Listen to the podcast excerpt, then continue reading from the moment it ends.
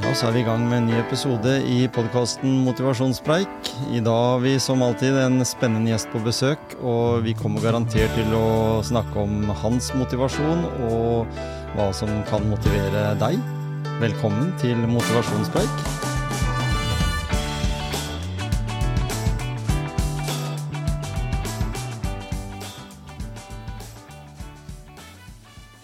Plutselig så var vi tilbake i studio, vet du, og her har jeg fått besøk. Han kom eh, i, det, det, det klinger i mine ører når han sier at han gikk til Gjemse fra Skien. Du har ikke gått fra Noragutu eller Notodden? Nei, jeg har ikke gått så langt i dag. I dag har jeg fått besøk av Benjamin Selmer, og du har et mellomnavn som ikke er så vanlig i Norge. ja, Nathanael. Mm. Det er vel en eh, Nathaniel bare med A istedenfor I, da. Ja, ja. Hva, begynn med det. Hvorfor? Hvorfor fikk Hvorfor? du det navnet? Det må du spørre foreldrene mine om. Dere har sikkert prata om det? Eller? Ja, jeg vet ikke hvorfor det ble akkurat den varianten. Nei. Nei. Men eh, jeg er jo fra, jeg er oppvokst i en religiøs familie, så det er jo religiøse navn, da. Ikke sant? Ja. Det er det det er. Mm. Og da er det lov å ha sånne ting. Men du bruker det ikke sånn veldig i det offentlige, kan du si? Nei, Sånn, det blir eh, sånn jeg må, jeg må stave det. Ja. så da gidder jeg ikke. det er, du er 77-modell. Ja. Eh, vi kjenner jo hverandre fra den tida som vi begynte på Klosterøya, faktisk. I 2007. Og det er søren meg blitt noen år siden, ja. Det har er blitt jo- noen år nå. Ja. Jeg forsvant ut av øya etter hvert, og dere har eh, også forsvunnet ut derfra. Ja. Men du, fortell litt om eh, oppveksten din. Hvor er det du har vokst opp? Nei, jeg er jo Gulset-gutt. Mhm. Eh, vokst opp i Røyskattveien, helt i skaukanten. Ja. Eh, i et, eh, det som den gang var et nytt boligfelt, så vi var jo masse unger. Mhm. Jeg tror hele klassen min var Nesten hele klassen min må jeg si, var fra Røyskattveien og Tierveien. For Ja. de som er kjent oppi der. Mhm. I den eh, ringen, Så det var, li, det var liv og røre. Det vil jeg tro. Veldig fin, uh, fin oppvekst. Var det, var det bra liksom at du gikk på skolen og du lekte med de samme i gata, liksom, hvis en kan si det på den måten? Ja, det var jo det. Det var veldig trygt, så jeg gikk jo hele oppveksten og tenkte at jeg skal aldri flytte fra Gulset. Nei. Og det gjorde du. Jeg gjorde jo det. det, det skal vi ta, komme litt nærmere inn på, men, men er det noen, eh, siden det var så sterkt knytta sammen eh, På, på Gulset så er det jo sånn at du begynner på den skolen, da går du barneskolen, og så er det da ungdomsskole et annet sted. Og Fulgte dere hverandre? Ja, eh, for Det vi sånn. gikk jo på Stigeråsen, så der er på en måte Og da tilhørte dere fortsatte du omtrent samme klassen med noen få ekstra fra, Ikke sant? At det ble litt sånn? resten av Gulset. Ja. Er noen, er noen du har holdt kontakt med, eller? Gjennom livet, så langt som du har kommet i da? Ikke så mye som jeg skulle ønske.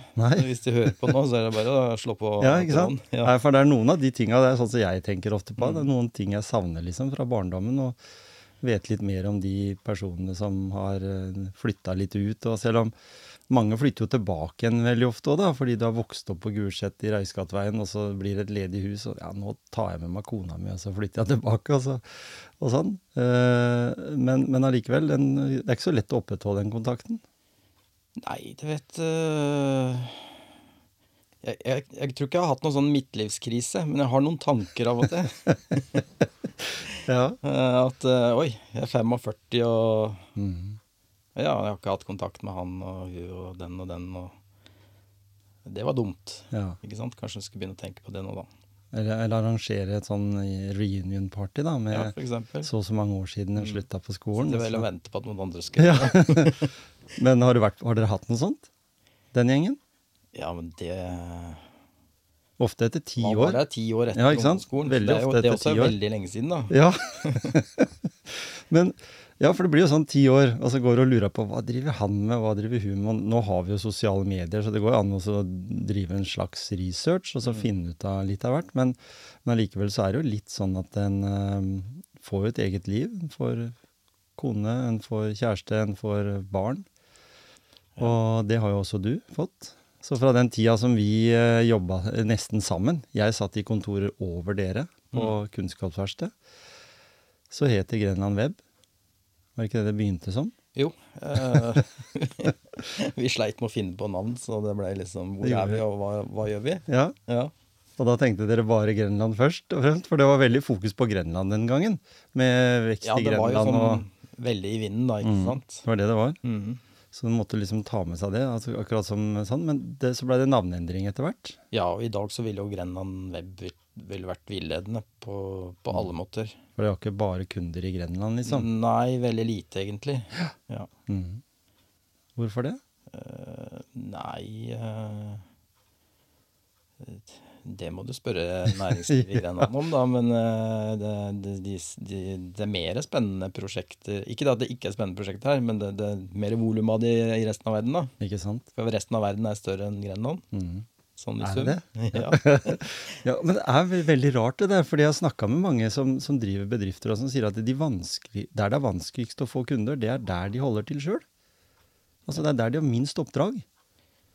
Ja, det kan godt hende er at sånn- det gjelder sånn, flere, ja. Ja, Det det er en sånn rar greie. Liksom. Skien kommune bruker i hvert fall ikke oss, sier de liksom. Fordi, men vi har jo hele Østfold og langt innover i Oslo og til og med i Sverige. Så, Mhm. så det er litt sånn eh, rart det der, der. Men kanskje det er litt sånn at en glemmer litt hva en har, har rundt seg. Ikke nødvendigvis som firma, men de som benytter seg Ja, av i hvert fall liksom Altså, det offentlige er én ting, for det er jo anbud, så det er eh, på en måte har det så mye å si. Men på de private bedriftene så er det er litt sånn, da. Ja, ikke sant? At du Hva er det het for noe? Du blir ikke profet i eget land. Nei, Nei. der har du det. Der har du det. Det er et riktig stikkord sånn Ja. sett. I dag så heter firmaet ikke Grenland Web, men det heter Applia, var det riktig sagt? Ja. Mm. Og dere driver med hva? Fortell. Vi driver eh, kort fortalt med programmering, for å bruke et folkelig ord. Mm. Og det har dere gjort hele tida. Det har vi gjort hele tida. Uh, Og for de som har litt greie på det der Vi het jo Grenland Web før, for vi satsa Ja. på webutvikling. Men det er jo nå blitt Nå i verden blitt sånn at uh, all systemutvikling er webutvikling. Ja, altså, web er fronten på alle systemer nå. Mm. Men når dere valgte å sette dere ned, dere var en gjeng som starta opp dette her. Mm. Eh, Du er der fortsatt. Dere er et par stykker, men dere er ikke alle de som var med fra dag én. Nei, nå feira vi 15-årsjubileum for litt siden. Mm. Eh, nei, da, det er jo en stund, da. Ja. Så da skjer, 15 skjer jo ting og tang. Finne, finne veier, andre veier og Ja, liv og død og hele pakka, egentlig. For dere har jo vært gjennom alt. Ja. Mm. Både på godt og vondt, Mm. sånn sett. Du har hatt kolleger som har gått bort. Ja. Du har hatt kolleger som har slutta for det ene og det andre, og så er det noen som ser en naturlig progresjon i det å, å komme videre et annet sted også. ja. Det er, er det noen som kommer tilbake. Ikke sant? Ja. Og det vil jeg jo tro at eh, et ord som er viktig for meg, da, og som jeg ser når jeg holder foredrag sjøl, det er dette her med trygghet. Eh, Når du har en bedrift som har overlevd i 15 år, så er det jo, hvis en tenker sånn lengden av år, da, så tenker du sånn Ja, Lundtangen pub har jo vært ganske lenge, og det var mange som Men ellers er det veldig sånn kortvarig som regel. Det kommer, og så forsvinner igjen. Ja, så, ikke at de fleste de, eh, de er borte innen fem år? Ja, Ja.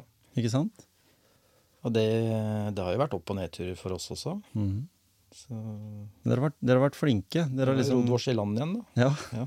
Altså, ja, altså, dere har vært flinke, for dere har på en måte eh, fulgt utviklinga. Dere har sikkert vært gjennom de samme utfordringene som alle andre, eh, spesielt kanskje de siste tre-fire åra som det har vært spesielt, med pandemier og sånne ting. Men nettet det er jo allikevel kanskje enda mer brukt i dag enn det, bare at den nådde kanskje litt Ja, på en litt var annen måte. å si, de som sa at internett er en flopp Mhm. på 90-tallet, venter jo på at de skal få rett da. Ja. De har ikke fått det ennå. Nei, det toget har gått, på en måte. Ja.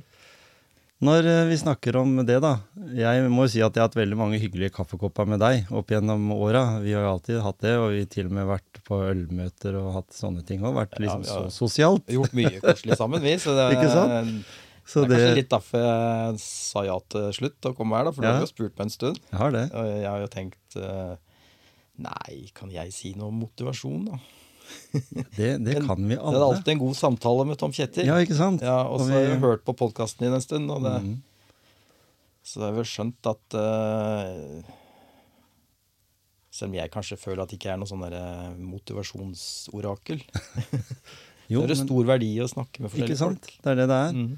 Og når du tenker at uh, man gjør et valg i livet, så gjorde dere det. For du tok med deg hele familien og flytta fra Gulset, som var liksom tanken at skulle du, der skulle du alltid bo og, og få barn, og liksom, så, så drar dere bort. Altså ikke langt, men det drar så langt at eh, dere får et annet forhold til andre mennesker og, og sånn. Eh, fortell litt om den prosessen. Det kan være interessant for noen. Ja, eh, det begynte vel egentlig i 1984-85, for å dra de lange linjene. Ja. Jeg gikk på barnehage nede på, på Venstøp. Mhm. Det var jo veldig landlig og fint. Eh, så husker jeg det var en høst vi var rundt til de forskjellige bøndene. Det er mye grønnsaksbønder der. Eller nå er det ikke så mange, da, men det er mye grønnsaker i området. Mm. Det var kanskje flere som dreiv før da. Eh, så plukka vi liksom eh, kålrot og gulrot og poteter og blomkål alt sammen. Ja, for da snakker vi om hele familien din? Altså Nei, foreldre, barnehagen. Eller? Barnehagen, ja. Ja. Ah. Og så tilbake til barnehagen og lage suppe. Og den- på den der runda rundt på jordene der, da, så ble det ja. Bonde. Ja. Det er fint. ja. Ja. Så da, da, da ble liksom frøet sådd, da. mm. I meg. Så, så du fikk liksom den allerede på barnehagestadiet, så fikk du den lysta til å jobbe i jorda og, og, og, og, bo på gård. Mm. Men, men så er det jo sånn da at eh, du vokser jo til.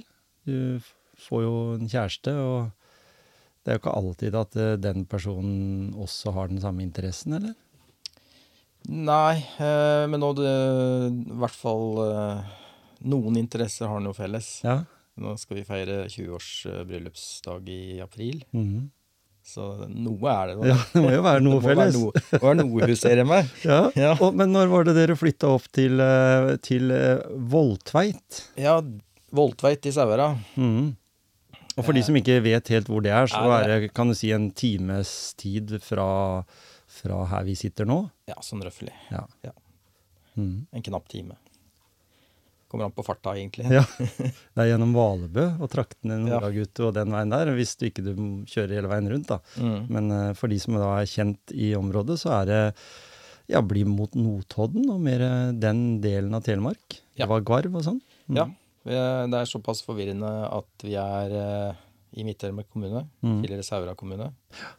Men nest, er tredje siste Nest siste eller tredje siste gården på 3683 Notodden, Mhm. som lager feil i alle slags registre, fordi alle tror at postnummer kommune henger sammen. Det gjør det ikke. Ja, nei, Nei.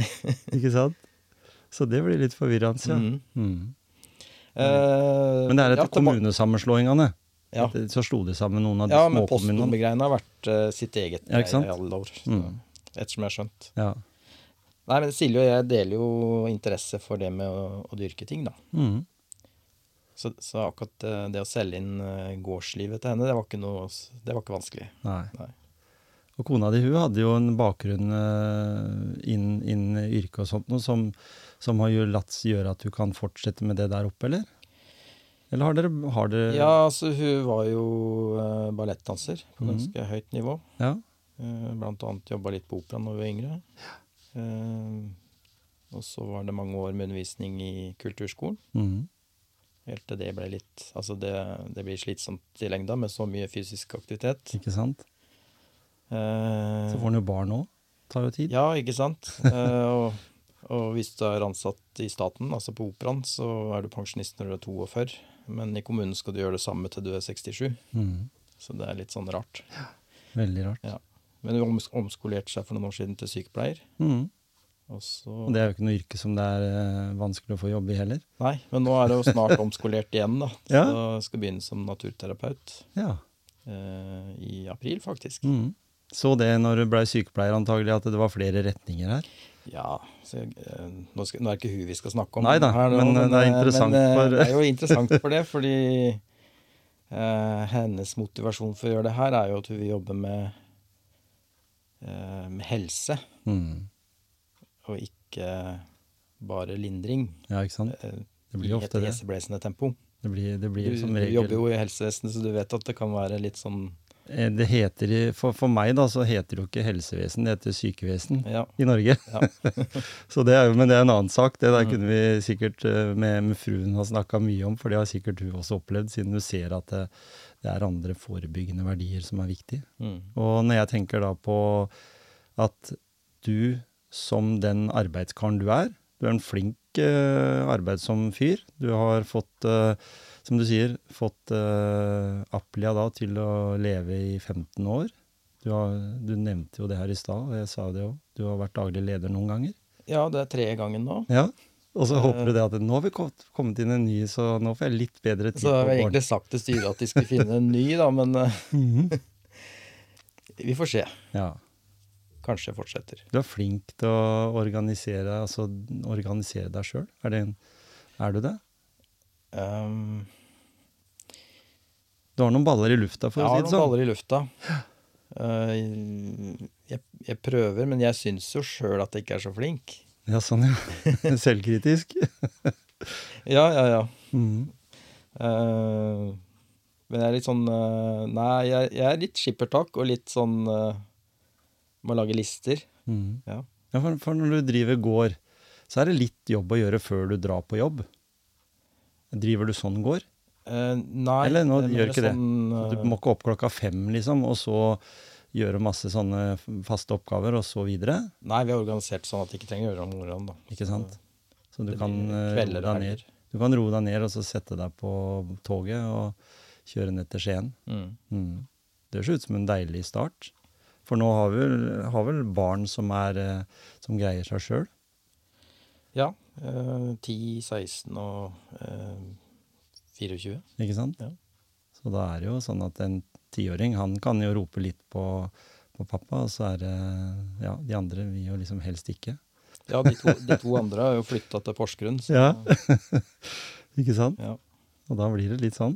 Men gårdslivet, da? Hva, gårdslivet? Altså sånn Hvis vi har lyttere her som syns det kunne være veldig spennende, bor i et trangt eh, boligfelt på ja, Gulset. Mm. Eh, og det hender jo at det kommer et og annet småbruk. Eh, dere driver jo med mer enn at en kan regne det som småbruk, egentlig, da? Eller hva regner, klassifiserer du deg som, det dere har? Uh, nei, det er vel teknisk sett ikke et småbruk. Nei, ikke sant? Langt, ifra. Det er det jeg mener. Men det er allikevel mange som kanskje har det som den første gårdsdrømmen, da. Mm. Eh, en eller noe større kjøkkenhage og, og kanskje noen høner og litt på den måten der. Ja, altså bare for å ta det, da. Det er jo litt tilfeldig at det blei så stort. Mm. eh, for det var det vi fikk tak i. Ja, Ja. Men det Men var- kunne jo like gjerne vært et småbruk. ja.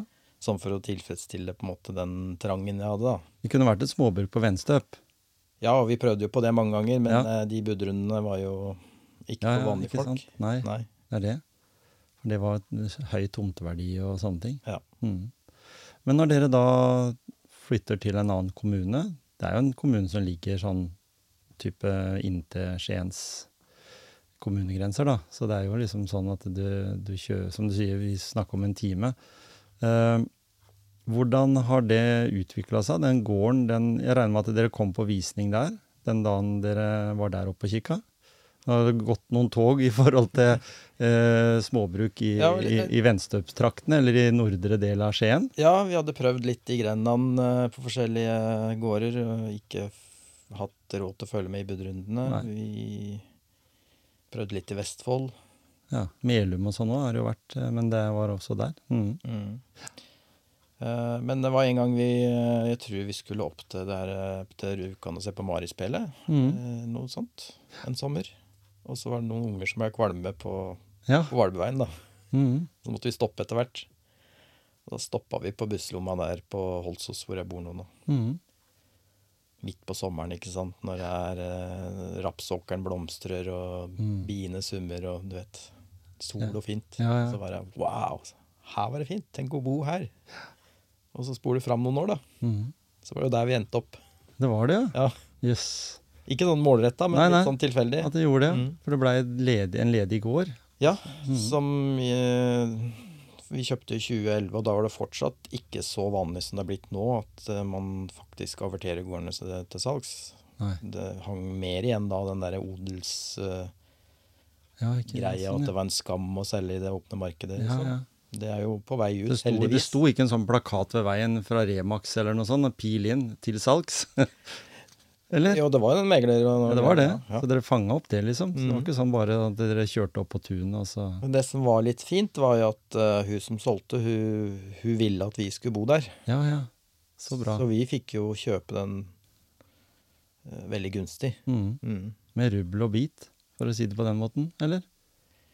Uh, ja, nå hadde ikke de drevet så aktivt, så jeg måtte bygge opp igjen på en måte maskinpark Ja, og, sånn, ja. og sånt. da. Mm. Det var litt sånn uh, gråtassnivå. det var uh, Det hadde vel bortforpakta i ganske sånn, mange år. Mm. Når du da For da fikk du jo litt landområder òg. Altså fikk jo mer enn bare akkurat et lite tun. Mm. Hva var det som skjedde liksom da, når du så Etter hvert så fant du vel ut av det at det var ganske mye òg? Ja, det var ganske mye. Du kan liksom få det sist kan sitte og skryte og sånt på radioen, da, Ja, Kjetil. du må det. for Fordi må det. dere har jo gjort noe ut av det. Dere har Ja, ikke bare, liksom bare latt det stå der med masse skau eller masse kratt og sånn. Det har jo Jeg, pleier å høre på Misjonen med Antonsen og Golden. Ja. Ja, og de har jo en sånn uh, uh, greie hvor de driver og gjør narr av nye måleenheter. Mm. Ikke sant? Eh, sånn som å måle ting i fotballbaner. da. Ja, det pleier jeg å gjøre, for jeg jeg, jeg fikk eh, 4000 fotballbaner, eller hva det var for noe jeg hadde regna om til. ja, ja. Ja. Ikke- sant? Det, det sier jo litt. For da, nå snakker vi om billedlig. Mm. Alle vet hvor stor en fotballbane er.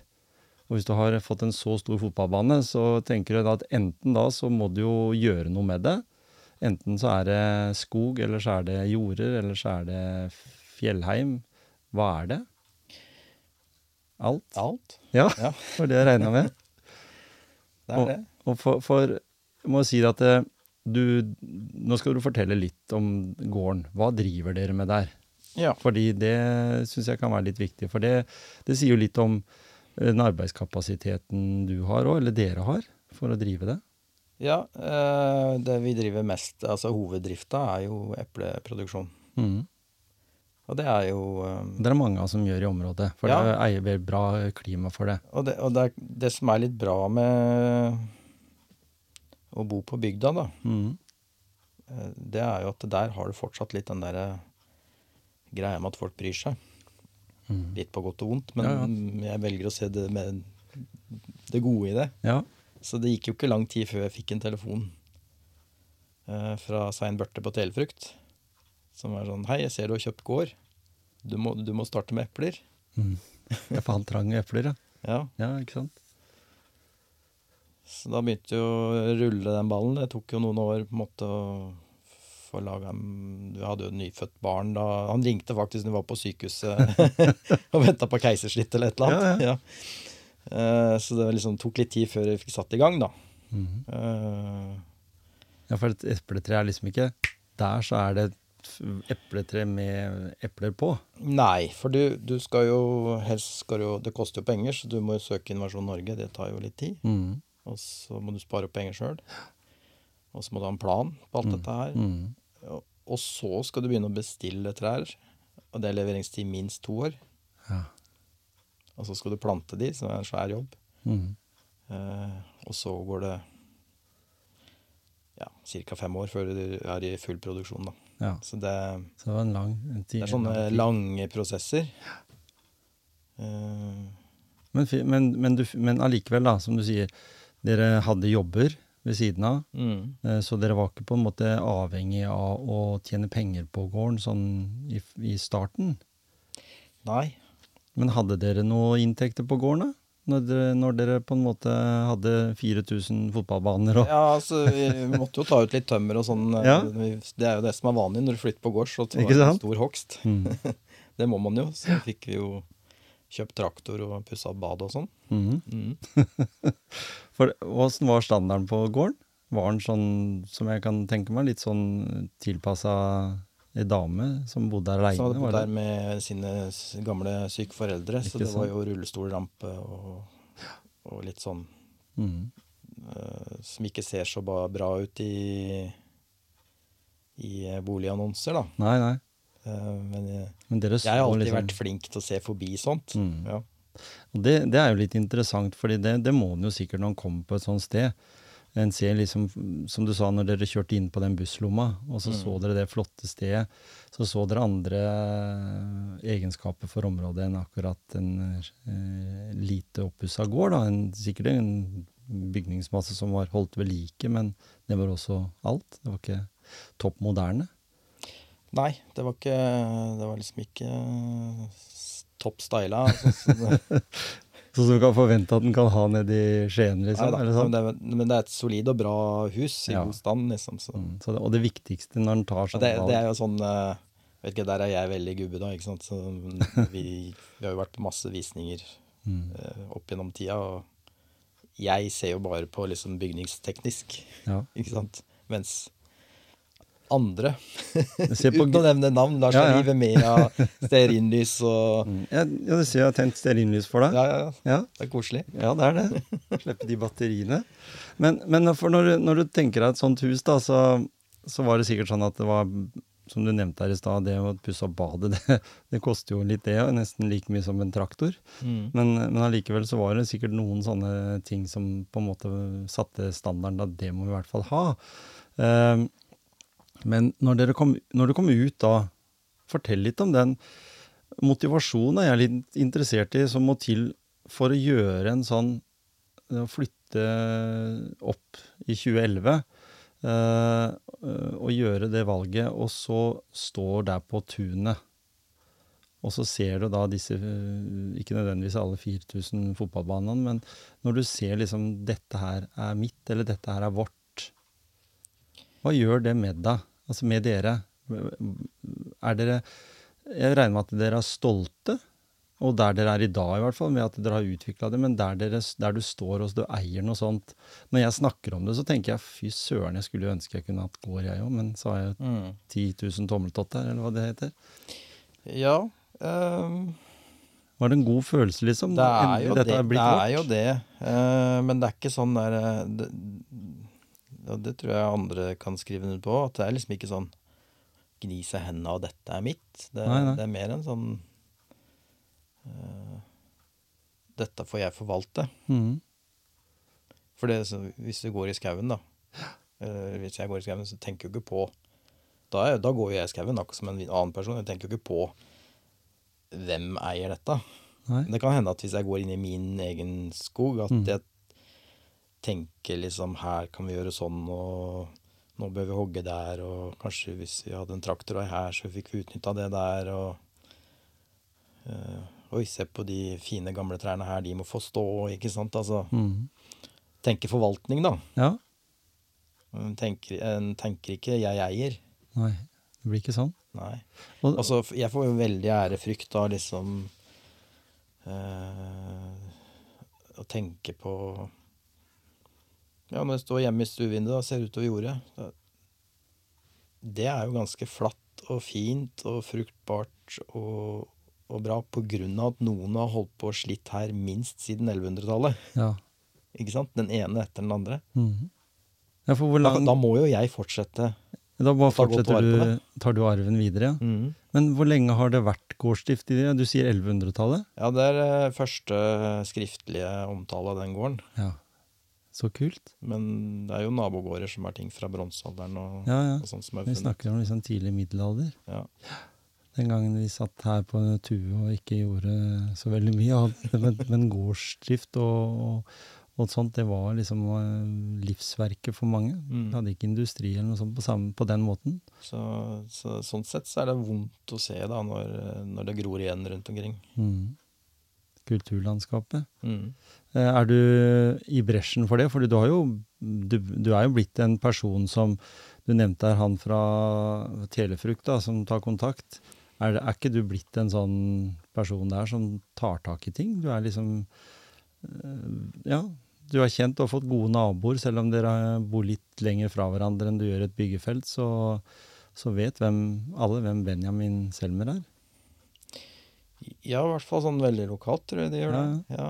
Eh, For du, du er jo en ildsjel. Du er jo en, en, sånn, en som står på litt ekstra og får mer ut av timene, har jeg inntrykk av i hvert fall, enn en mange andre. Selv om det er sikkert mange eh, eh, altså gårdskollegaer, hvis en kan kalle det, da, som driver gårder som, som en kan si det samme om. da, som Jeg kjenner mange si. som, som er på samme måten. Ikke sant? Men, men jeg tenker jo ikke på Jeg tenker jo ikke at jeg jobber mye, egentlig. Nei? Det er bare at hobbyene mine mm. er litt jobbaktige. ja, ja, for du har jo en full, en full jobb i et uh, datafirma som går utrolig bra. Og så i tillegg så, så har du en gård som også går veldig bra. Mm. Og som kommer med kreative påfunn. Og nå er jo faktisk da de epletrærne som du snakka om, de er jo vært modne i noen år, de nå. Så du har jo fått uh, produksjon av, av eplesider Mm. og sånn, sånt. Ja. Det er Nei, blitt så- et populære produkt. Jeg holdt på å si, Hvis en skal snakke om motivasjon, da, så tror jeg egentlig det er en fellesnevner her. Mm. Selv om det virker som helt forskjellige ting. Så det, det er kanskje litt sånn kombinasjon av skaperglede og mm, jage etter mestringsfølelse. Mm. For når, for når du setter i gang med det, og i tillegg eh, er, er, du, er du en sånn person som ser mye muligheter? Ja. Enn en at du ser Alt alle hindre? Ja. Og, og kona er på samme måten, så vi Mm. har jo nok ideer til å leve eh, sikkert 30 livsaldre, for å si det sånn. Mm. Ja. Og, og i dette her, da, når vi snakker om motivasjon, så snakker jo veldig mange nå om eh, noe som er kjent mye fra idretten. Eh, og jeg syns jeg har lyst til å bruke det også mot det livet du lever, da, når du sier det at dere, når dere ser muligheten sammen. Men eh, kan dere visualisere da, når du ser liksom Her så ser jeg en, et område, her kan det bygges hytter. Altså, er det sånn at du kan eh, billedlig nesten se det, hvordan det vil se ut. Ja. Ikke sant? Absolutt. Det er en veldig god egenskap, for da har du på en Altså- måte tegningene klare. Ja. Og så er jeg nok i overkant uh, tålmodig på sånne prosesser. Mm. Så Men det er jo sånn jeg har altså, sett det, det plager meg ikke om på en måte jeg, jeg, jeg har sett for meg et eller annet, da. mm. Altså om det tar 10 år, eller 15 år, Ja, ja. å få realisert, det er egentlig ikke så farlig. Nei. Men sånn, men så, for jeg tenker at du har jo noen familie som er litt kreative, kunstneriske. Føler du sjøl at det er din kunstneriske plattform som, som gjør deg at du har den evnen? Eh, jeg tror jeg har den skapergleden, uten mm. at jeg kan si at jeg er sånn kreativ og kunstnerisk. Ja da, men du direkte. skaper jo et uh, bilde Men uh, av ja. Sånn som at eh, jeg, jeg, jeg skaper f.eks. den store, fine eplehagen da, med Ja. 6000 epletrær, mm. som skal stå der i 25-30 år. Uh, eller hvis jeg går og hogger ved, så er det liksom Jeg skal ta den bjørka og den bjørka og den bjørka, for da om seks år så vil det se sånn og sånn ut her i skogen. Ja, da du blir, da syns jeg den blir fin, ikke sant. Mm. Det er litt sånn. Og det er en god egenskap å ha når du skal drive gård. Mm. Og at når du, sånn som du sier, at du har den mye felles med kona også. At dere ser mye av det samme. For hvis det var sånn at du bobla over av de, og så du hele tida kom hjem og sa Nei, men Benjamin, da. At dere ser de mulighetene sammen. Mm. For dere driver jo dette her eh, prosjektet deres eh, sammen, da. Og så tar dere jo da også med noen ung, ikke direkte ungdommer, men noen barn også, som skal eh, bli med på flyttelasset. Har de hatt det greit oppe i Sauherad eller oppe i Midt-Telemark? Ja, det har de. Det er jo internett der. Det er internett der, ja. Ikke sant? Ja, til og med alt i boks nå. Ja, ikke sant? så det var jo den tida vi vokste opp, så, eller du vokste opp og jeg vokste opp, så var jo liksom det helt utenkelig. Da var det jo ja, det var jo sånn um, Rett etter vi flytta dit, så var det jo sånn skolestruktursak der òg, som alle andre steder. Mm. Med nedleggelser og sånn. Eh, Da var det jo en masse ildsjeler da, som fikk på plass en Montessori-skole Ja, på vår lokalskole. ja vel. Så det, det, Så det er godt der. der har ungene våre gått. Ja, ja. Så det har vært veldig bra. Det vil jeg tro. Så litt andre verdier enn en kanskje Ja, det er en bra pedagogikk, Ja. men hovedpoenget er eh, La oss holde oss i nærmiljøet når vi, ungene er små. Mm. Det er det, vet du. Mm. Så at ungene skal bli sendt i lang vei med skolebuss eller et eller annet sånt. Ja. Mm. Når, når vi tenker eh, din eh, Du nevnte litt motivasjonen for dette her. Eh, hvis jeg sier at Hva er det viktigste ordet du tenker på da når det gjelder motivasjon? Tja Må det være ett ord? Nei, nei. Nei. Nei, jeg tror jeg er tilbake til det der, eh, i hvert fall for min del, da, at uh, jeg liker å skape noe. Mm. Eller være med på å skape noe. Og det, det har du også i Gren, fra Grenland web-tida og oppover òg, fordi Ja, ja, ja. du har jo hatt den skapertrangen der også, selv om den uh, Og- årsstrømmen lå bak. og det handler mer om at, det, at noe blir skapt. Mm. Eh, Det handler ikke om ære eller sånne ting. Eh, For som sagt, jeg er dagleder for tredje gang. Og Ja. er ikke, det er ikke ute etter Egentlig vil jeg at noen andre skal gjøre det. på en måte. Det er jo derfor jeg har vært inn og ut Mm. opp igjennom. Eh, Men det, det er morsomt å være med på å skape noe. Og det kan være å skape den, eh, de tinga på gården, ikke sant. Eller firma. Mm. Eller noe som jeg har veldig mye glede av nå, og det er kanskje et tegn på at jeg blir gammel, da. er å- Å ansette folk rett ut fra skolebenken og se at de utvikler seg. Mm. Det er en form for skaperglede. Altså alt det der. ja, for dere har jo en sånn god kultur i, i bedriften. Mm. Dere ser mulighetene. For, for mange av dere som starta opp i dette, her var jo litt samme skolen, var det ikke det? Det var Ja, vi var jo veldig opptatt av at vi skulle skape en god arbeidsplass. Mm. eh, Hvor folk kunne ha balanse i livet og jobbe med givende ting på jobb og ha balanse i livet. Ja, Ja. ikke sant? Så det har vært viktig for deg hele tida, og Mm. den skapergleden der, den har også da smitta over på, på eh, gårds, altså etablering av gården og, og de prosjektene. Fordi jeg må jo si at du, du driver jo da med eplehage. Ja. Dere har skog. Hyttetomter har jeg funnet ut av. Ja. Ja, vi har jo et, eh, et hyttefelt. ja. Og vi snakker, som- vi snakker jo om samme sånn i- om... Ja, Ja. fortell. Ja, det er også en sånn der eh, lang prosess, og Mm. som Hvor eh, jeg heiv meg uti det, rett og slett fordi det noen ganger så får jeg lyst til å gjøre ting og lære ting og Mm. prøve ting. Ja. Og det krever jo ganske mye. Ja, det Både jo- saksbehandlinger og papirer og sånt noe. Det begynner jo med det, og så må du jo ha Ja, det, et område. Bare det tok seks år, da. Ikke sant? Ja. Og vi snakker jo om et område som er eh, ganske så likt Svanstul, eller det området som skiensfolk kjenner som ja, det er, jo, eh, det er jo egentlig rett nord for Svanstul. Ja. Eh, det er en, ja, en seks kilometer i luftlinje nord for Svanstul, da. Mm. Så noen av de høyeste eh, områdene i, i kommunene Skien, Midt-Telemark, eh, ja. egentlig. Opp Veiangen, ja. for de som er kjent. Mm. Mm. Veldig landlig, men allikevel kort vei. Hvis du ikke gidder å kjøre tre timer til Rauland, så kan du kjøre, så kan du kjøre en og en halv time opp dit. Så der hadde vi litt sånn uh, uh, ukonvensjonelle tanker når vi begynte med dette her i, i 2013. Mm. Uh, For det så du med en gang. ikke sant? Overta 2011, masse som skal gjøres, og så Wow! Det var jo sikkert, Du må være sånn. ja, ja, ja. For jeg kjenner jo noen andre også som har satt opp hyttetomter. Der, liksom, der er jo perfekt! ja.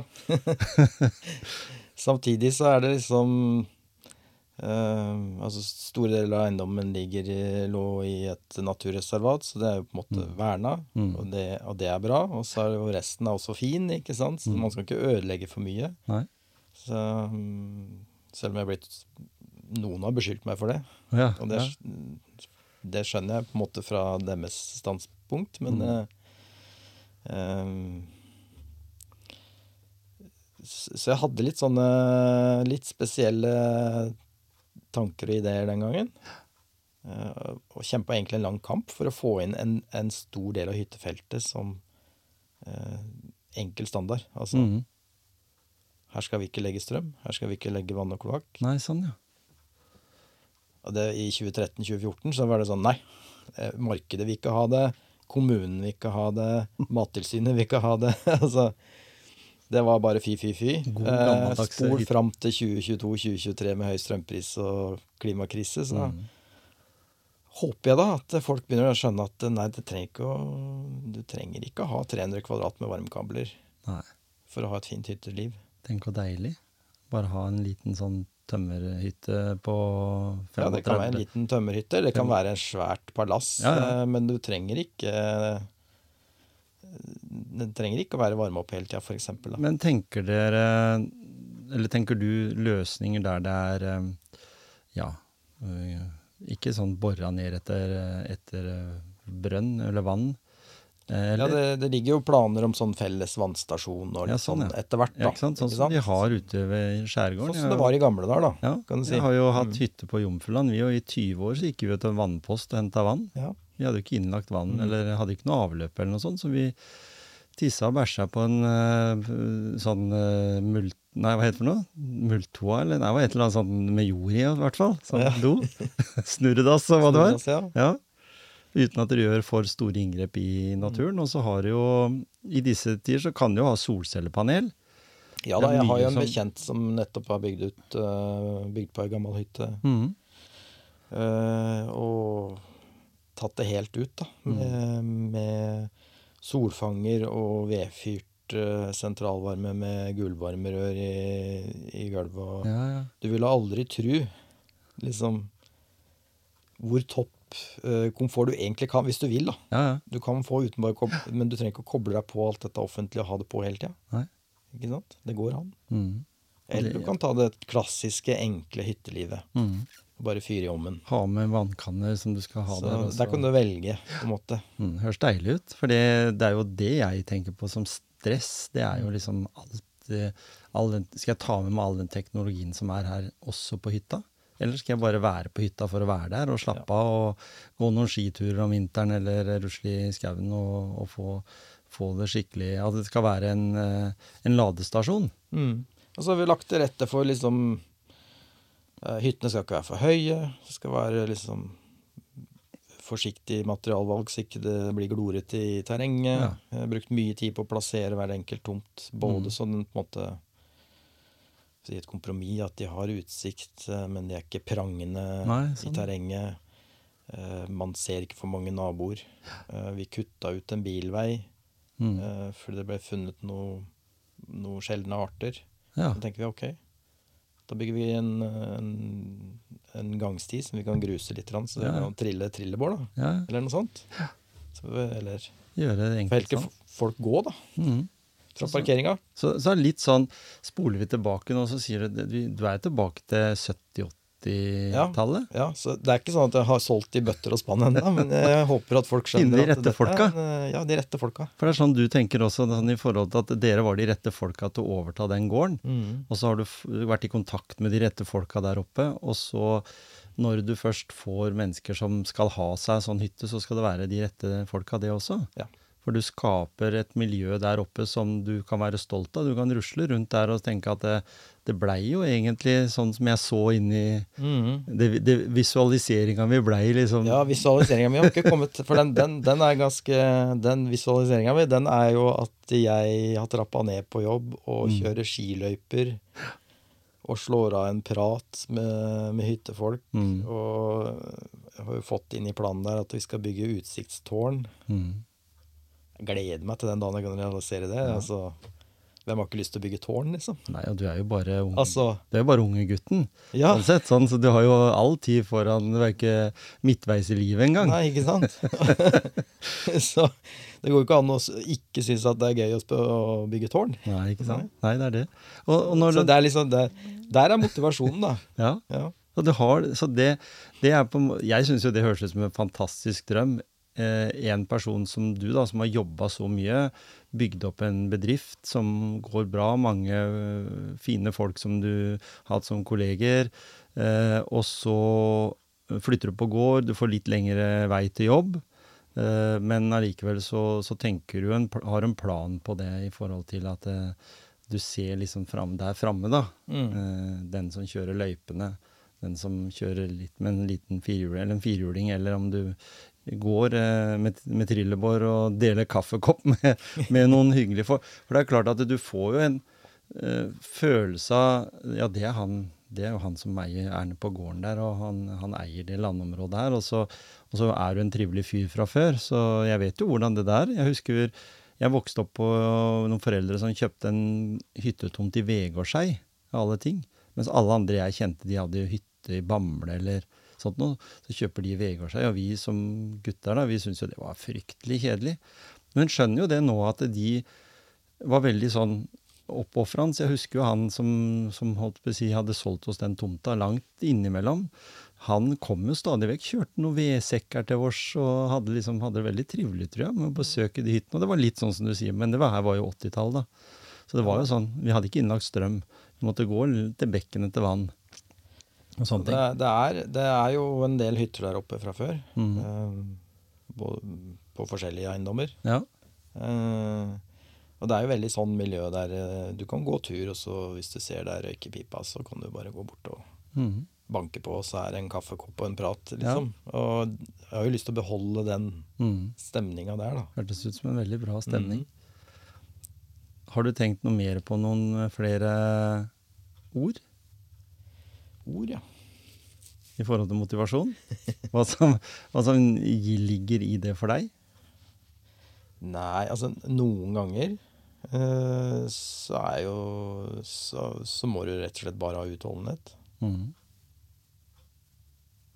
Og så Og, og, og være, Syns du ordet tålmodighet, er det med der? Fordi du, Ja. Med tanke på den ventetida du har. Ja, nå fikk jeg avslag igjen, eller nå må vi gjøre noen endringer, eller Det Ja, det er ganske tålmodig. Du, du, det nytter jo ikke å krangle på seg noen sånne systemer. Det gjør det jo ikke. Nei, det lærte jeg fort. Ja, ikke sant? Ikke sant? At Mm. uh, Det er noen mennesker For- der som ikke ja. Du må jo bare jobbe med de. Ja. Altså Altså prøve å skjønne hva er det de trenger, da. Mm, For å få gjort sin jobb. mm. Og så spi og så spille rundt det. ja. Ja. Syns du det når jeg sier det om deg, sånn som jeg kjenner deg, at du er en koselig kar? Syns du det høres litt treigt ut, eller er det ålreit? Nei, takk for det. Ja. Ja. jo, men jeg tenker på det litt sånn, sånn og, og de verdiene du legger fram her nå, det er jo tydelige tegn på det. Eh, Jeg er jo alltid av den oppfatning at selv om det er en person jeg kommer i en setting med, så syns jeg det er bedre å gi den personen en klapp på skuldra eller ta de i handa eller, eller hilse eller være hyggelig.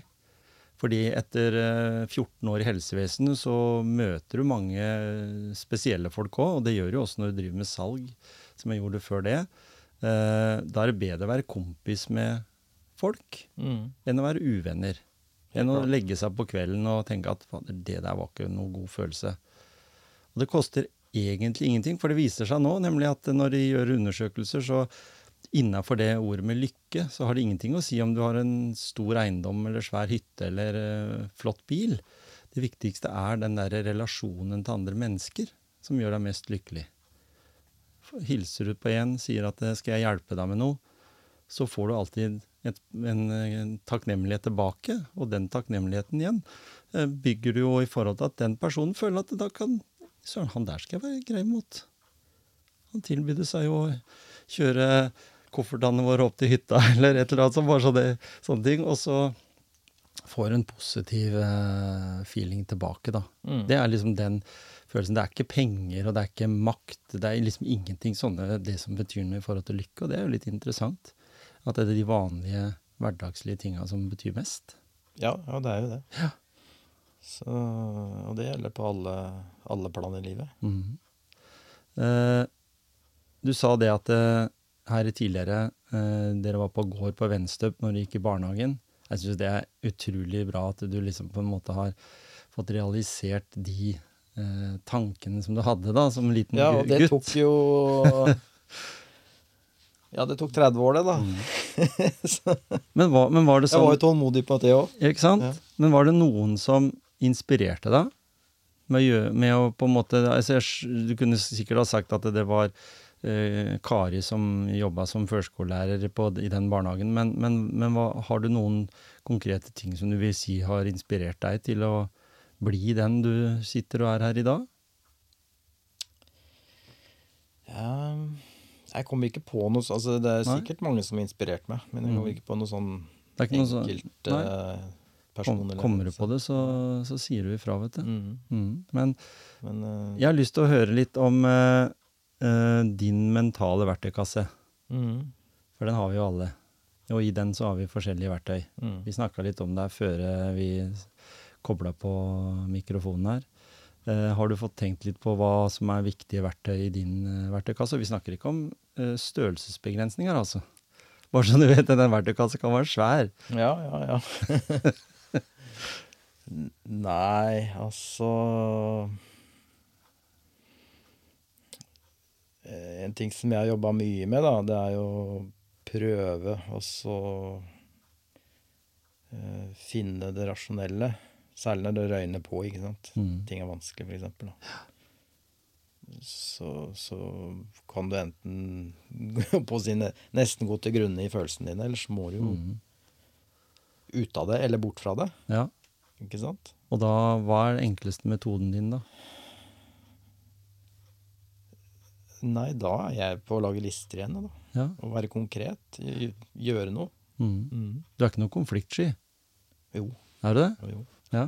Så det er derfor du, du er ikke grei bare fordi du er konfliktsky, men det er fordi at du, du, du har ikke noe behov for å inn i, inn Nei, jeg hater konflikt. Det er jo bare noe som gjør meg psykisk syk. Så vil det være konflikt, da. Ja. Så da har du Da lært jeg, å være da får jeg vondt i magen. Ikke sant? Da har du lært å være veldig løsningsorientert, da. Ja, Det er altså, det er det det- ikke sånn at jeg har aldri vært i konflikt. Det skal jeg ikke Nei, nei. skryte på meg. Du liker ikke den settinga. jeg liker ikke den settinga. Nei, Nei. det er jeg enig med deg i, for det er det verste jeg vet òg. Og vi flytta jo inn i en bygd hvor det hadde vært til dels en del konflikt. Mm.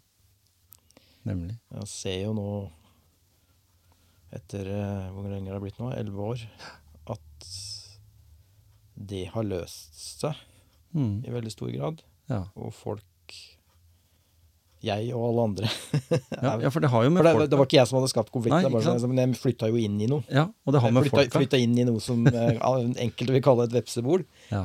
Eh, for det er jo sånn med bønder at vi er med i masse sameier og sånn, og man kan bli uenig, og så Mm. kan folk si noe, og så kan det eskalere, da. Og så har du litt flere Også... grenser mot en nabo enn det jeg har, som bare har liksom det gjerdet og det gjerdet. Ja, Ja, og så kan kan det være 23 naboer òg, ikke sant. Ja, ikke sant? Nei da, så eh, Nå er det god stemning, Mm. og det er veldig fint å se, da. Og så er det noen, da, flere, på en måte, som har tatt noen første skritt. Mm. Og så, så er det ofte ikke så mye som skal til Nei, for å få begravd gamle stridsøkser. ikke sant? Det kan være som Det- du sier, den der Hvis det er kaffekoppen noe jeg og har så lært de, siste ti åra, så er det den derre wow. Mm. Det går faktisk an å gå fra liksom skikkelig eh, dårlige forhold til Mm. at det er koselig. Kan det ha vært bare noen bagateller, egentlig? En dårlig kommunikasjon? Det er jo ofte det. Ja, ikke sant? Deler av det, i hvert fall. Ja. Ja, Så er det noen som sitter sånn i eh, arv ja. også. Det vil jeg Ja, det- sikkert vært ja. borti noen sånne Mm. ting òg. Noen sånne Mm. Fader, han tok seg til rette, han altså. Jeg kan ikke tåle den der måten Så jeg skal ikke nevne verken sak eller navn, Nei, nei. men eh, eh, ja. Litt sånn. Jeg syns det er trivelige forhold der nå, da. Ja, Mm. så bra. Og igjen, da er, liksom, da er bygda på sitt beste, da. Mm. Du kjenner For da, liksom ha, der har du et fortsatt et sånn uh, nærmiljø mm. hvor, hvor alle kjenner alle, og, og folk bryr seg litt. Og det har han mista litt uh, i byen, syns jeg. Ja. Er det grendehus der? Ja. Så det er sånn det møtes der liksom og Mm. steker noen vafler og sitter og prater litt og løser hverdagskonfliktene. Mm. Mm. Men, men når vi da Jeg vil tro det at Jeg jeg bør ikke bruke ordet problemer, men jeg vil jo tro at det har vært noen utfordringer på veien også i de elleve åra, eller? Jeg vil ikke nevne noen, men altså, det har sikkert ikke vært bare her de sier, det har ikke bare vært dans på roser, vil jeg tro. Nei, nei. Du sier jo litt om det. men, men da Ja, jeg Ja. har du noen gang tenkt at hva er det jeg har gjort? Eller er ikke du Jo, sånn ja, som type? Ja, så er det klart jeg har det. Ja, Mhm. jeg har det. Eh, Er det, er det når du venter for n-te gang på et svar på et eller annet av, dine, av de prosjektene eller ballene som du har, eller dere har, eh, og, og får et svar i åpne For det kommer jo sikkert i brevform, noen av de tinga? Eller, ja, sånn. det, eller bare noe så enkelt som å være bonde, og du er eh, på en måte i, i naturens makt, og det Mm. går ofte ikke sånn som det skulle gå. Du må tåle å tape. Mm. Og vi har jo en finansminister i Norge som er bonde, egentlig. Mm. Eh, og han eh, burde jo skjønne hva det går ut på, men det er Mm. kanskje ikke det, er kanskje ikke det hvis en kan kalle det yrket som blir prioritert høyest. Nei. Selv om det er kanskje et av de viktigste. Vi har, Dessverre. Og det er mange som kritiserer det med subsidier, f.eks. Mm. Uh, uten å tenke over at alle land egentlig gjør det. Sånn Ja. at uh, det nytter ikke å være den første som slutter med det. Nei. Det er én side. Den andre er jo at uh, det er jo alle som blir subsidiert mm. når bonden får uh, penger sånn at han ikke går konk. ja. Absolutt ingen ikke det, For det, det, det er jo derfor du får mat, og derfor du får mat til en fornuftig pris. Mm. Så, så Nei, det syns jeg Der er det noen som er ganske virkelighetsfjerne i debatten, da. Mm. Mm. Det, for det er viktig at vi har egenproduksjon. Selv om Ja, dere være- driver mye epler i ditt område. Det ville vært helt umoralsk å ikke Mm. produsere mat. Ja. Det ville vært Hvis vi skulle legge ned landbruket i Norge og si vi er rike, vi kan importere, det, altså, hvor arrogant er det? Mhm. Ja, så ser vi hvor Altså, dyrt skal det vi være sånn kan mesterrase, og alle andre skal lage mat til? Nei, det går ikke. Nei, det går ikke det. Man kan ikke bare leve på posteier fra Frankrike og oster fra Nei. fjellheimen der. Men når vi Dere har ikke dyr, eller? Jo da. Eh, Eller det, hva driver dere med Men det er bare litt sånn smått, da. Sånn Ja. for kosens skyld. Mm. Så vi har en liten saueflokk og noen høns. Ah, ja. To katter og ei bikkje. Til eget, til eget bruk, holdt jeg på å si. Bikkjene til å gå tur med, og Ja, ja. sauen til å ha ull av. ja Bikkjer og katter er ikke til mat. Nei, I hvert fall ikke i Norge. Nei. Men eh, det er koselig. Det er koselig. Ja. Ja. Høns er jo fantastiske dyr, da. Ja, det er vel det. Ja. Jeg har en Da var jeg ute i hønsehuset i går, Ja. og nå er det jo Det går jo sånn i rykk og napp, den her verpinga, men nå var det 20 egg i går, da. Så Såpass. Da, da føler du deg rik. Ja. Jeg husker Det, det er mye, mye morsommere å ha 20 egg i ei bøtte eh, enn 100 000 på bankkontoen, Absolutt. jeg, da. Absolutt. Ja. Jeg fikk faktisk eh, egg fra en, eh, en som eh, heter Sørensen, som var flyveier oppe på T, som hadde teddyer. Mm. Og han kom med egg til meg. Han var med i podkasten her tidligere. Og, og sånn, og da fikk jeg en sånn eggkartong, og oppi der så var det seks egg. Alle hadde forskjellige farger og sånn. Ja, ja. Er det sånn, eller? Det er sånn. Det er det. Ja. Forskjellig form og farge. Ja, så, så, ja for jeg syns jo det var litt sånn eh, Kan jeg spise disse her, eller? Fordi du har liksom den der eh, EU-standarden som du får ofte i kartongen fra Prior, Mm. som er sånn helt like og sånn. Er det, er det den um, Er det normalen, det du Altså sånn som du driver? Altså den i forhold til ja, at det er sånn jo, Du får jo det derre du, fabrikkproduserte, du får alle størrelser, og så sorterer de hos Mm. Prior. men de er frittgående. Ja, de hos oss er jo Veldig. Ja, ja. Vi har jo bare til eget, egen husholdning. Mm, mm.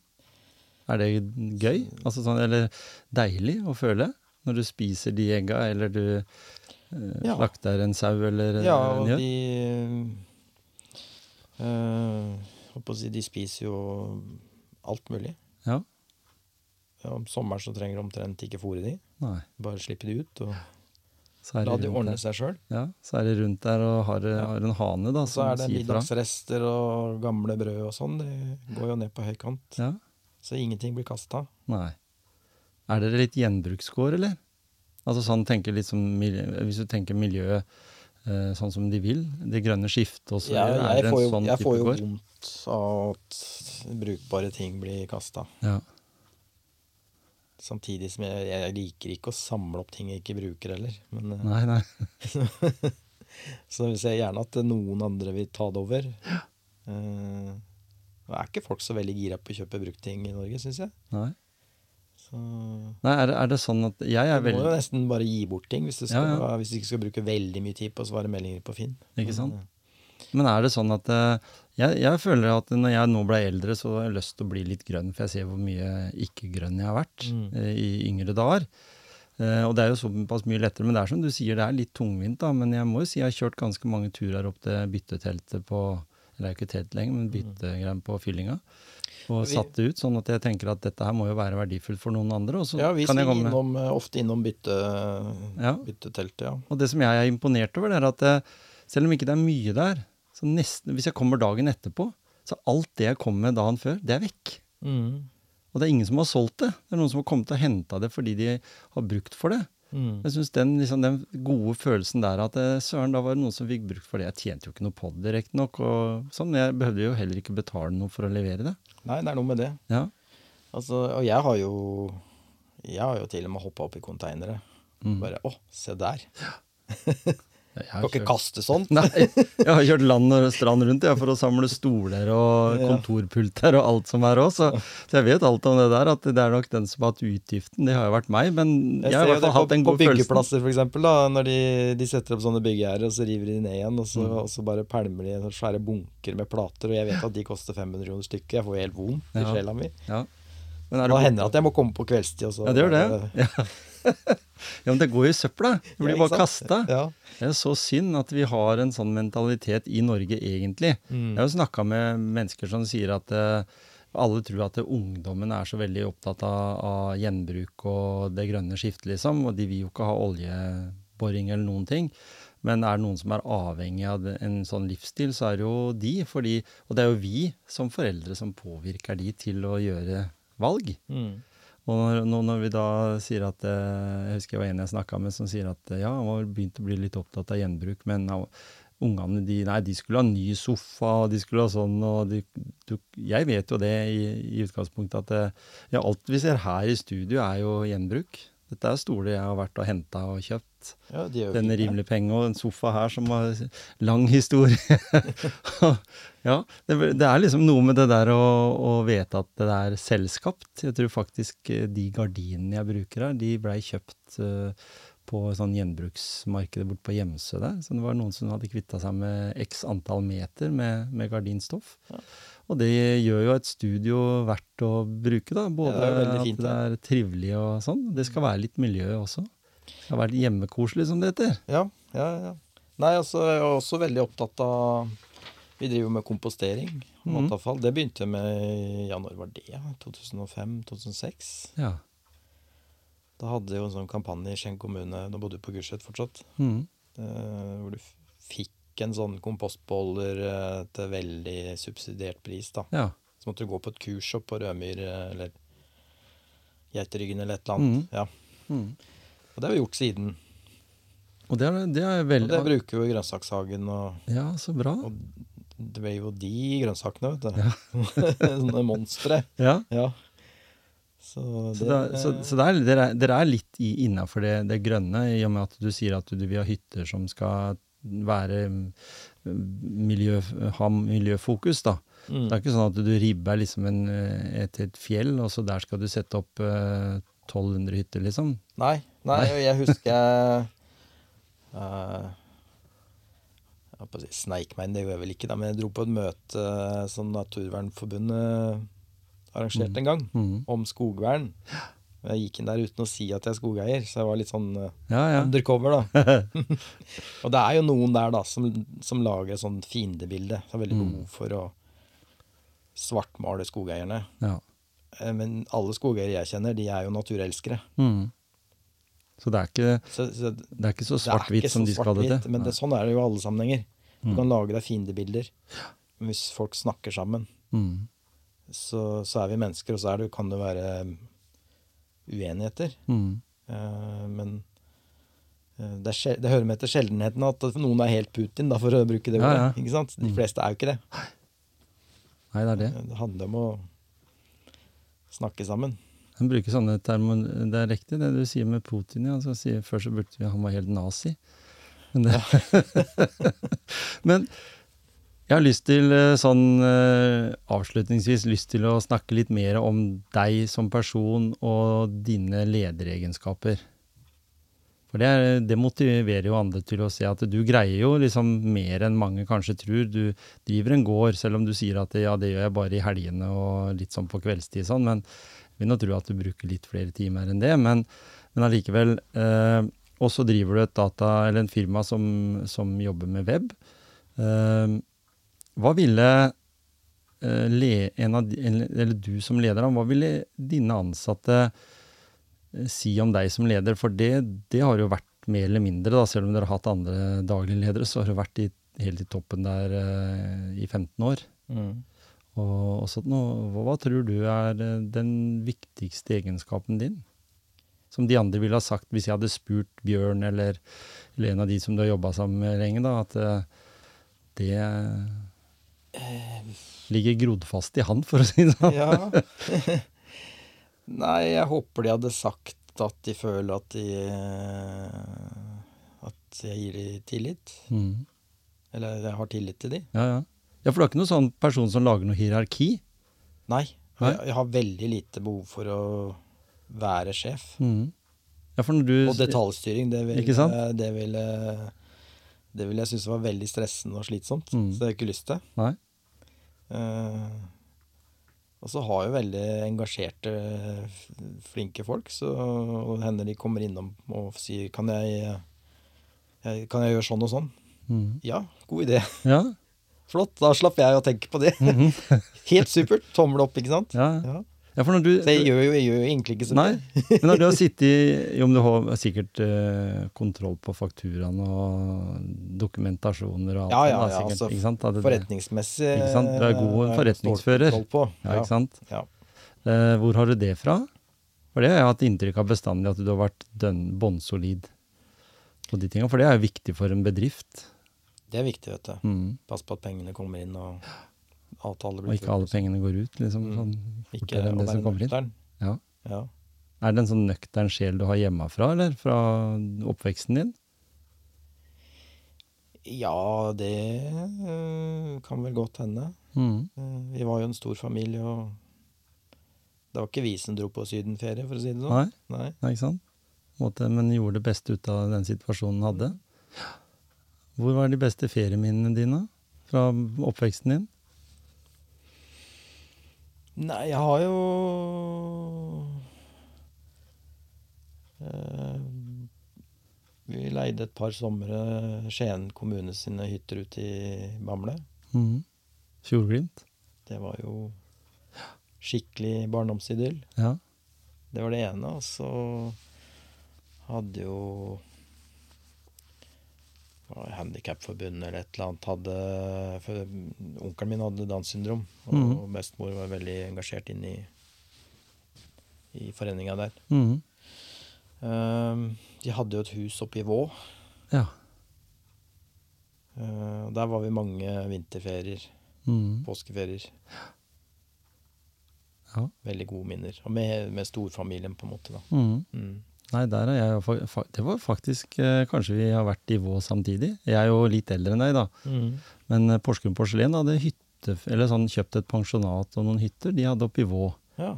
Eh, og der var vi hver eh, Altså, det var jo sånn Du fikk jo ikke være på alle påskene. Men jeg, jeg, når jeg tenker tilbake, så tenker jeg tilbake som at jeg var der alle påskene. Jeg hadde bare så gode minner. Ja, Det sånn? Det, det er sånn jeg føler det òg. Det var sikkert ikke så mange ganger da, men, men det føles sånn, da. Ja, vi hadde lagde skirenn, husker jeg, hoppbakke på det jordet som var nedafor pensjonatet, og vi gikk opp på fjellet, det kunne jo gå opp til 1100 meter. Ja. Eh, og vi sto på ski ned der så mye vi kunne. Det var jo alltid snø på vintrene, husker jeg. Det var jo aldri snøfattige vintre. Selv om, igjen da, så kan det jo hende at vi bare var der. Jeg har aldri spurt eh, noen jeg, om hvor mange somrer eller hvor mange vintrer vi var der. Men ja, vi var der på sommeren òg, husker jeg, og det var liksom den derre Ja, sånn følelsen av, av å leke i enga, ja, på en måte. vi var jo på sånn, er de kalte det, sånn samla inn høyet. Mm. Esjing, eller er det det heter? Ja. Var jo med på det å hoppe i høyet, som sagt. Så vi ble jo fulle av sånn eh, både midd og lopper og det som var. Men det var jo stas å hoppe i høyet. ikke så mye flott og sånn den gangen, Nei, det fantes jo ikke. men, men da hoppa vi jo litt i høy, og jeg husker det var Jeg glemmer vel han, Jeg tror han het Aslak, han eh, sønnen på en gård som vi var mye innom. Og de foreldra der, han el, eldste der, han dreiv jo og holdt orden på det her pensjonatet for eh, Porsgrunn porselen. da. Mm. Så ikke de behøvde å opp dit så veldig ofte. Og, og han drev med litt småvedlikehold og klargjorde og med noen nøkler og sånn. Og det var sånn som sier, Det var en bekk der, rett ved en butikk, eh, rett ut forbi Totak. Den, og den kom, der kom jo vannet rett fra fjellet og rant liksom ut i Totak. da. Mm. Og det var jo der vi bada. Ja. Det var kaldt, men uh, til og med midt på sommeren. Ellers så var det liksom Alle våre ferier var jo uh, Seks unger inn i en eh, Peugeot 505. Mhm. Godt og trangt. Henger med bagasje, Ja, for det var jo ikke plass mer i bilen. nei. Og så noen kjempesvære lerret på taket, for pappa skulle jo alltid male da. Ikke? Ja. uh, ikke i småformater heller. Det Nei. var gjerne sånn gigamalerier. Var det gode, har du, når du snakker om det nå, var det god magefølelse? Var det liksom sånn eh, For jeg husker jo det at jeg hadde jo Vi var jo bare to brødre, for han yngste han er jo født tolv år et, altså han er tolv år yngre enn meg. Men uh, vi krangla mye i baksetet, da. Ja, Det var jo mye sånn eh, skrekkelig mye krangling i Ja. men det er ikke det jeg sitter igjen Nei, etterpå. det det.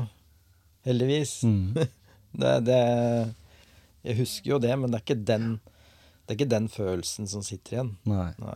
Vi kjørte til Rauland, husker jeg. Faren min hadde en Chevrolet. Men det var jo sånn hvis unger i baksetet Ja. uten iPad som vi har i dag, da, Mm. så, så blir det jo krangling. Det var jo krangling er, om sånn eh, sjokolade og is, og det var en brusflaske som ble snudd på huet, og det var veldig Ja. mye som action baki der. Og Mm. faderen som hadde en Simca, og den gikk jo ikke lenger enn til Ulefoss før du måtte fylle på vann, og det var liksom den tida der, da. Men, men allikevel så har du påført det der noe videre i, eh, i, til dine barn, da? Har dere vært eh, litt sånn kreative på den fronten som en måtte være på 80-tallet, da, når du vokste opp? Eh, Eller blitt mye gård? ja, det har blitt mye det, og så er det jo Kona har jo slekt i USA, så det har stort Ja, ja. sett blitt å reise dit. Ja. Så det har blitt vår greie, da. Mm. Mm. Dere har noen faste turer som dere reiser på? Ja. Så liksom eh, feriebudsjettene går til det. Ja. Skrape sammen, og nå tar Vi har vært én gang på Gran Canaria, Mm. og én gang i Danmark. Ja, ikke sant? Eh, Så Nei, det er jo Ellers har det det, bare vært USA, da. Det er naturlig, det, da. Er det sånn at du har avløsa på gården, da, eller når dere reiser bort? Ja. Mm, for dere blir jo borte litt mer enn en helg, liksom, da, når du først reiser dit? Ja da, så da er det jo liksom eh, kattene på dyrepensjonat, og så Ja. noen andre til å se til dyra på gården. Da. Mm. Mm. Helt på slutten. Eh, kom med noe du, du Du lager jo sider på kartong og sånn. Selger du det der på Telemark Frukt, eller? Eh, ja, altså i år så skal vi levere epler til eh, Oda. Ja. Så kjøp, Så eh, kjøp, kjøp epler epler på nett. Fra, på nett. Så, Og er det Aplia som har laga plattformen, eller? Eh, nei, Nei, vi får se på det det etter blir neste gang. Det blir neste Det er liksom, du har de, de har to hatter, da. Ja. Eh, enten så driver du det, og så er det gård. mm. Det er en deilig følelse, syns jeg i hvert fall, når du sier det der om, om gården og gårdsdrift og den gode harmonien. Selv om du, Mm. som du sier, har sikkert hatt noen utfordringer òg, så virker det gårdslivet ganske laidback på én måte. Vil, noe, vil de, de andre rundt på gården der si det? Er, det er jo eh, Det kan være mye timer når det er i sesong. Mhm. eh, men det er jo en type arbeid som i seg sjøl ikke er stressende. Nei. Hvis du jeg mener. Det å stå og høste epler, f.eks., stresser ikke kroppen. Nei. Det stresser ikke huet. Nei. Tvert imot. Mhm. Er, det en, er en god Og- terapi? Ja, kjempegod terapi. Og så har vi jo fått en veldig fin eh, tradisjon. Mhm. Eh, Som jeg, jeg har litt dårlig samvittighet for det, for det er gratis arbeidskraft. Men folk sier jo at de Det må ikke jeg tenke på, for de syns det er så koselig. Mm. Det er at vi har én eller to høstedugnader, da. Ja. Og da er det jo typisk hele familien min, og gjerne noen venner. Og av og til har det kommet fremmede òg. Mm. Eller noen kjente av noen kjente. Ja, ja. eh, Som har blitt en tradisjon, altså. Som har blitt en tradisjon. Ja, ja. Plukker epler og sånn. Og da har jeg gjerne satt uh, svær gryte på bålpanna dagen før og Mm. hivd oppi tre-fire dyreslag og kokt Ja, ja. det i 12-14 timer, og så oppi med grønnsaker fra hagen. Og så har Silje bakt noen rundstykker, da. Ikke sant? Så, spiser, så jobber vi først, og så spiser vi etterpå og har det koselig. Og mm. runder av med eplekake og vaniljesaus. Sånn bonderomantisk. Sånn ser du på alle de fine bildene på Nasjonalmuseet. Ja, ja, det er jo det- sånn Norge har vært, Det liksom. er, ja, det er jo det sånn- er jo det gode liv, da. Ja, det er det det er. Ja. Det syns jeg var en uh, fantastisk fin avrunding. Ja. Mm. Og jeg syns det at uh, om ikke Benjamin kommer igjen uh, sånn umiddelbart, så skal vi i hvert fall snakke mer om det etter høstinga igjen. Skal vi se om det er gått noe god, god suppe, eller, eller, eller har fått noen nye tanker, eller solgt noen nye hytter. Jeg håper det. Mye som skjer. Folk må bare ta kontakt. Ja. Så, Så elsker jeg å bli med på visning, for det, visning her er jo å gå tur. ja. For det, Det Ikke er ikke rett ved veien. Nei? Nei. Så høres deilig ut. Mm. Tusen takk for at du ble med i Motivasjonspreik. Takk. Takk for at du har lyttet på en ny episode fra Motivasjonspreik. Vi eh, håper at du også lytter til en av våre andre podkastepisoder som ligger ute på alle mulige avspillere. Velkommen tilbake neste fredag. Mitt navn er Tom Kjetil Olsen, og jeg har ledet deg gjennom denne podkasten.